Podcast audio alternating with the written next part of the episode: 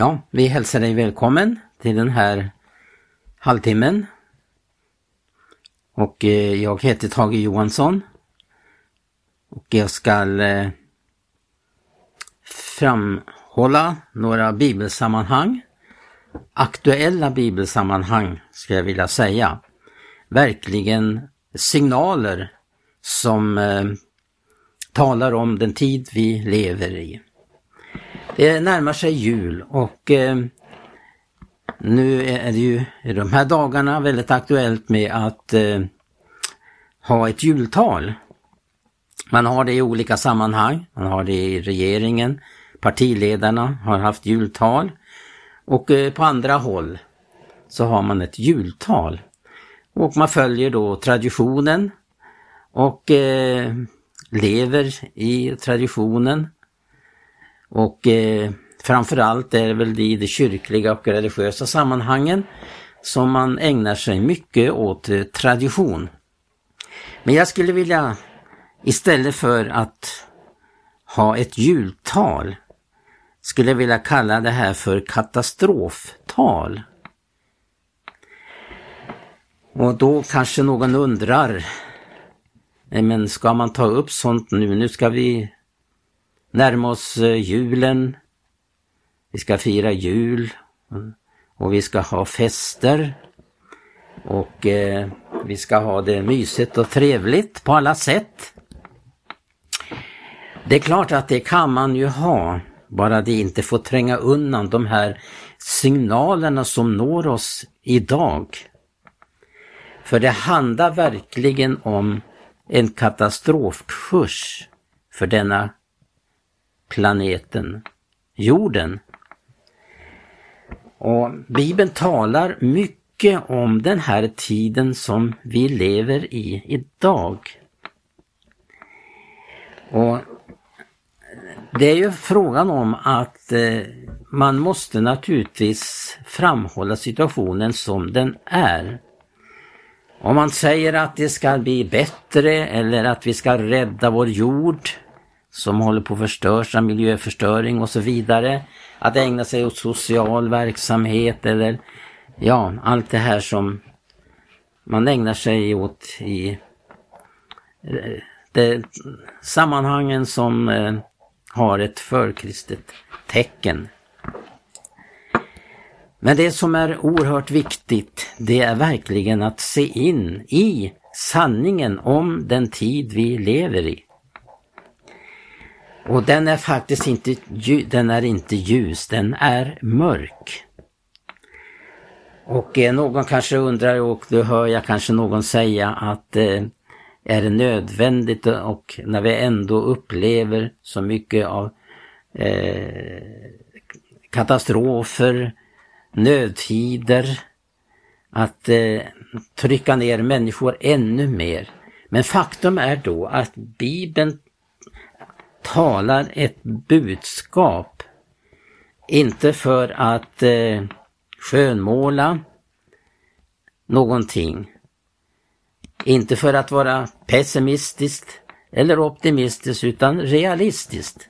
Vad är realistiskt budskap idag? Jo, det är att vi lever, som jag nämnt nyss, jorden befinner sig i en katastrofkurs. Och Bibeln talar mycket om den här tiden.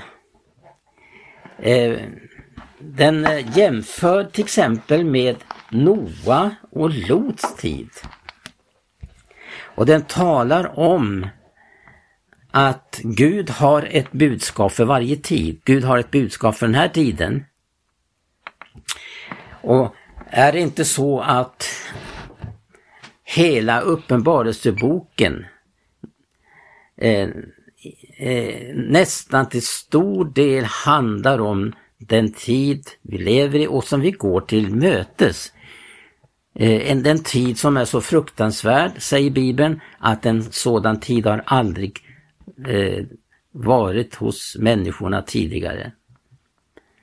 Och skulle inte Gud ha förkort, skulle inte Gud förkorta den här tiden så skulle allt kött förgås. Men genom allt så har Gud sin hand med och det han har bestämt om den här planeten, om mänskligheten, Det kan ingen rubba på, utan, men det är förutsagt. Tiden är verkligen förutsagt eh, i Bibeln vad som ska ske. Men vi upplever ju i den dag som inne är att vi får ständigt rapporter om de katastrofsignaler vi möter i press, i radio, tv. Ja, var helst vi är och vad vi gör så påträffar vi det här att vi går emot eh, en tidsupplösning. Ja, det är ju det Paulus talar om, att denna världsordning går mot sitt slut. Ja, än en gång, tycker du kanske det är konstigt, ska man ta upp sånt här? Nu ska vi ha eh, ägna sig åt eh, Jesus, barnet i krubban och så vidare. Ja, det är väl bra att påminna sig om de sakerna, men det är väldigt, väldigt viktigt att vi tar del av buden, Bibelns väckelsebudskap. För att för den troende människan att hålla sig vaken, att hålla sig beredd, att följa Noas exempel som bröt fullständigt mot sin samtid därför att han lydde Gud om vad han borde göra. Och han lydde Gud i allt och byggde denna ark. Denna räddningsark. Vi kan till exempel eh, ta fram några bibelsammanhang som talar om den här tiden. Och då när vi tänker på Noas tid så är det precis det Jesus tar upp. I till exempel Matteus, det 24 kapitlet och från den 37 versen. Ty så som det skedde på Noas tid så skall det också ske vid Människosonens tillkommelse. Så som människorna levde på den tiden före floden. De åt och drucko, män tog sig hustru, hustru gås åt män, ända till den dag då Noa gick in i arken. Och de visste av intet förrän floden kom och tog dem bort allesammans. Så, säger Jesus, ska det ske vid Människosonens tillkommelse. Det finns eh, flera sammanhang som, särskilt, som jag särskilt vill lyfta fram med tanke på den tid vi lever i. För Paulus skriver så här till exempel till Thessalonikerna. Vad åter angår tid och stund härefter är det icke behövligt att därom skriva till er kära bröder. Ty vi äkten själva nogsamt att Herrens dag kommer så som en tjuv om natten. Bäst säga allt står väl och ingen fara på färde. Då kommer plötsligt fördärv över dem såsom födslovåndan över en havande kvinna och det ska förvisso icke kunna fly undan. Men så fortsätter han. Men i kära bröder, när han nu skriver till Thessalonikerna, de som hade upplevt frälsning omvänt sig ifrån detta världens sätt att leva och upplevt ett nytt liv i Jesus Kristus. Men då skriver han där i fjärde versen det är alltså första Thessalonikerbrevet 5 som jag läser ur. I kära bröder, i leven icke mörker så att den dagen kommer på eder såsom en tjuv. Och den ska verkligen komma så som en tjuv över mänskligheten. Och det står så här, och det ska förvisso icke kunna fly undan. Det finns också ett allvarsord i eh, Petri brev. Det är väl det andra kapitlet. Och han skriver så här, med tanke på att eh, eh, i den sista tiden, som också Uppenbarelseboken kallar för vedermödans tid. Ja, det finns också det ordet på andra ställen. Jesus talar om vedermödans tid. Eh, så eh, handlar det om att en dom ska gå över mänskligheten. Gud ska döma. Gud som är rättfärdig måste också döma för han är alltigenom rättfärdig. Men han ger nåd åt den som omvänder sig från sin ondska. För domen har Jesus tagit på sig.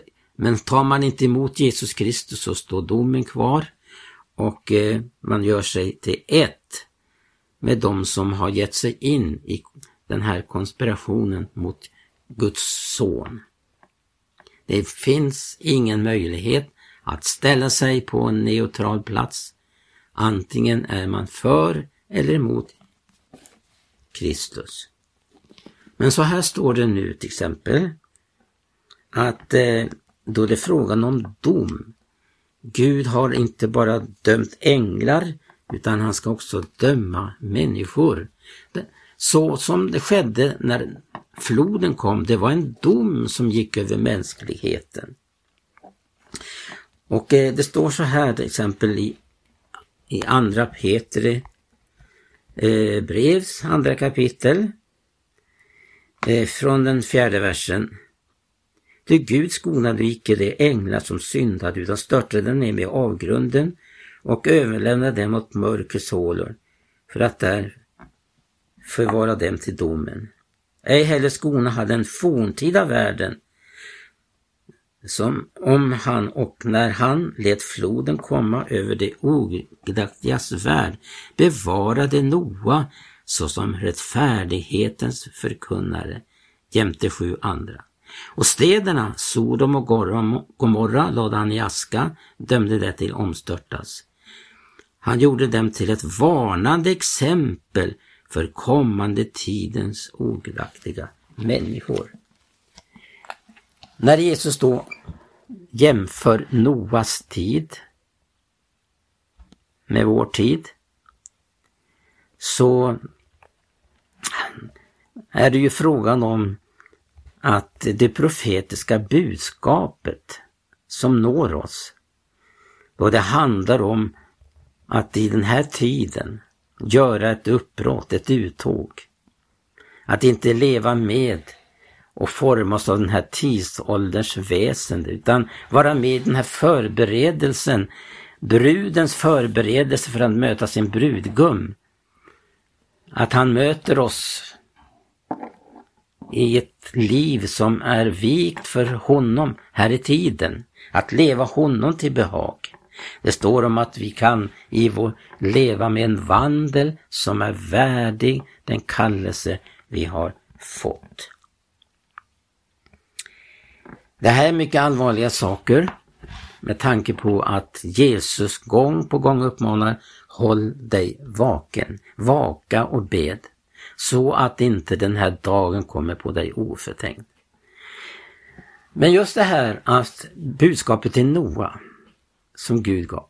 Och Gud har ett budskap också klart och tydligt riktat till den tid vi lever. Då, den, då han till exempel i en liknelse talar om att då skall himmelriket vara likt tio jungfrur som gick ut för att möta sin brudgum.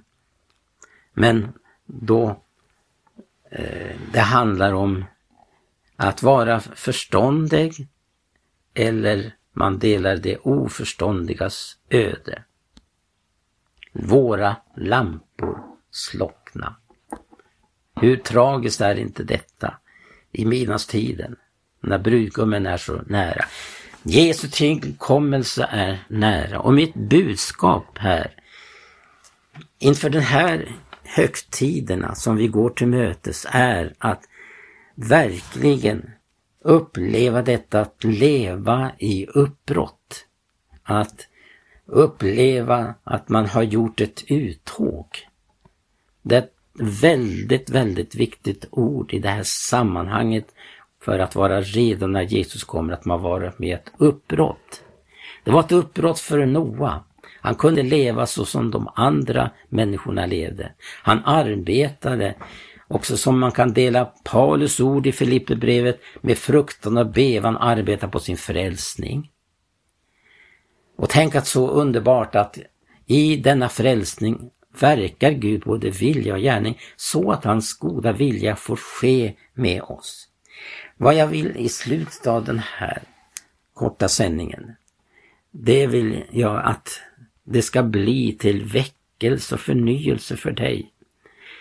Att eh, inte formas utav tradition och eh, som är så eh, utpräglat i den här tiden. Man har, kyrkan har, eh, kyrkan och den religiösa mänskligheten har sina traditioner.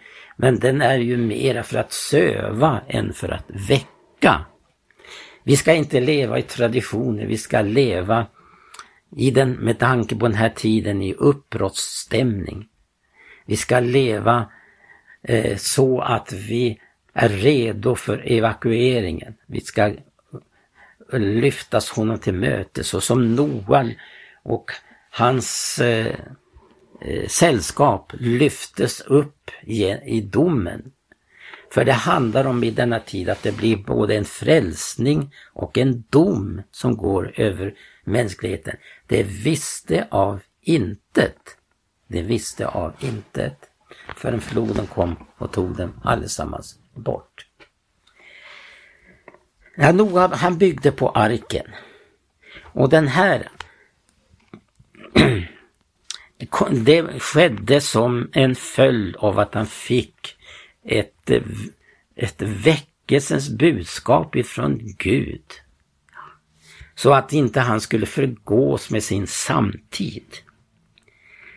Och det var ju någonting som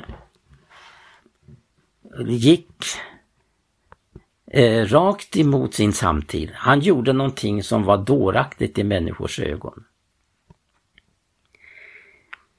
Och det är väl så här att det är så lätt om man inte står på ordets grund att man dras med av tidsströmningarna. Tänk att Jesus han undervisar så enkelt. Då det handlar om, lever vi efter Guds ord? Står vi på ordets grund? För det var ju det som blev räddningen för Noa, att han gjorde allt vad Gud sa till honom. Precis som många andra som vandrade i Noas spår. De tog Guds budskap till sig och omsatte den i handling. Tänk om inte Noa, om han hade bara accepterat vad Gud sa till honom och inte gjort någonting. Men Jesus säger så här i en mycket enkel liknelse. Där det handlar om att utgången blir antingen att allting eh, slås i grund. För att det handlar om att inte bara höra budskapet utan också göra budskapet. Och som ni märker så läser jag då ur 1917 års översättning. Och den är ju väldigt bra i många avseenden. Men vi kan läsa där i Matteus 7 och från den 24 versen. Och där säger Jesus här, därför var och en som hör dessa mina ord och gör efter dem, han må liknas vid en förståndig man som byggde sitt hus på Hälleberget. Slagregn föll, vattenströmmarna kom och vindarna blåste och kastade sig mot det huset och likväl föll det icke omkull eftersom det var grundat på Hälleberget. Men var det en som hör dessa mina ord och inte gör efter dem, han må liknas vid en oförståndig man som bygger sitt hus på sanden. Slagregn föll, vattenströmmarna kom, vindarna blåste och slog mot huset och det föll omkring. Och dess fall var stort. När Jesus hade slutat detta häpnade folket över hans förkunnelse, Det han förkunnade sin lära med makt och myndighet och icke så som det skriftlärde. Och vi kan tänka oss att det var makt och kraft bakom Noas budskap. Och Jesus, han talar verkligen rakt in i människors hjärtan med ordets sanningar. Det är ju ordets sanningar som ska väcka oss. Därför vill jag att de här få minuterna ska handla om att verkligen ta emot Guds ords sanning och göra efter Guds ords sanning. Då får vi uppleva den frälsning som Noa fick uppleva. Det finns bara två utvägar ur den här tiden. Det är att låta sitt hus få byggas på berget. Berget är ju en bild på Guds ord. Och det handlar om att vi upplever i den här tid så mycket strömningar, så mycket faror, så mycket av upplevelsekristendom som inte leder till att komma på ordets grund. Slagregn föll och vattenströmmar kom och huset föll omkull och dess fall blev stort. Tänk att det finns någonting som består i den här tiden. Och det är att ta vara på Guds ord. Det är oerhört detta följden av att inte ta vara på Guds ord som, som Bibeln också talar om att därför att inte tog, gav kärleken till sanningen rum så blev det förförda. Det blev offer för villfarelsens makt. Därför att det inte fanns rum i deras hjärtan för sanningen. Må det inte bli vårt öde och du som lyssnar, ta till dig detta budskap Jesus säger om att vara redo. Vaka och bed. Att vaka betyder att man är eh, angelägen om att inte ta emot var som helst. Tänk vilka strömningar vi upplever den här tiden. Tänk bara på New Aids. Som inte nu bara eh, finns i religiösa sammanhang utan till och med är någonting som ja, har ett inslag i skolorna. Ja, man börjar redan i förskolan om detta. Det handlar verkligen om ett uppbrott. Hur nödvändigt det är med ett uppbrott i den. Kosta vad det kosta vill så vill vi gå Guds väg. För vi får räkna med att det är ett lidande i den här tiden att leva gudfruktigt. Och det säger ju Paulus så skola alla de som vill leva gudfruktigt i Kristus Jesus få lida förföljelse. Ja, tiden där som Noa fick uppleva, den var kort, men sen kom räddningen. Och tänk så underbart att vi lever i den tid då räddningen är på väg. Vi ska evakueras, vi ska möta vår brudgum. All, och det står så här så allvarligt. Och alla de som var redo, de gick in med honom i bröllopssalen. I Jesu namn. Amen.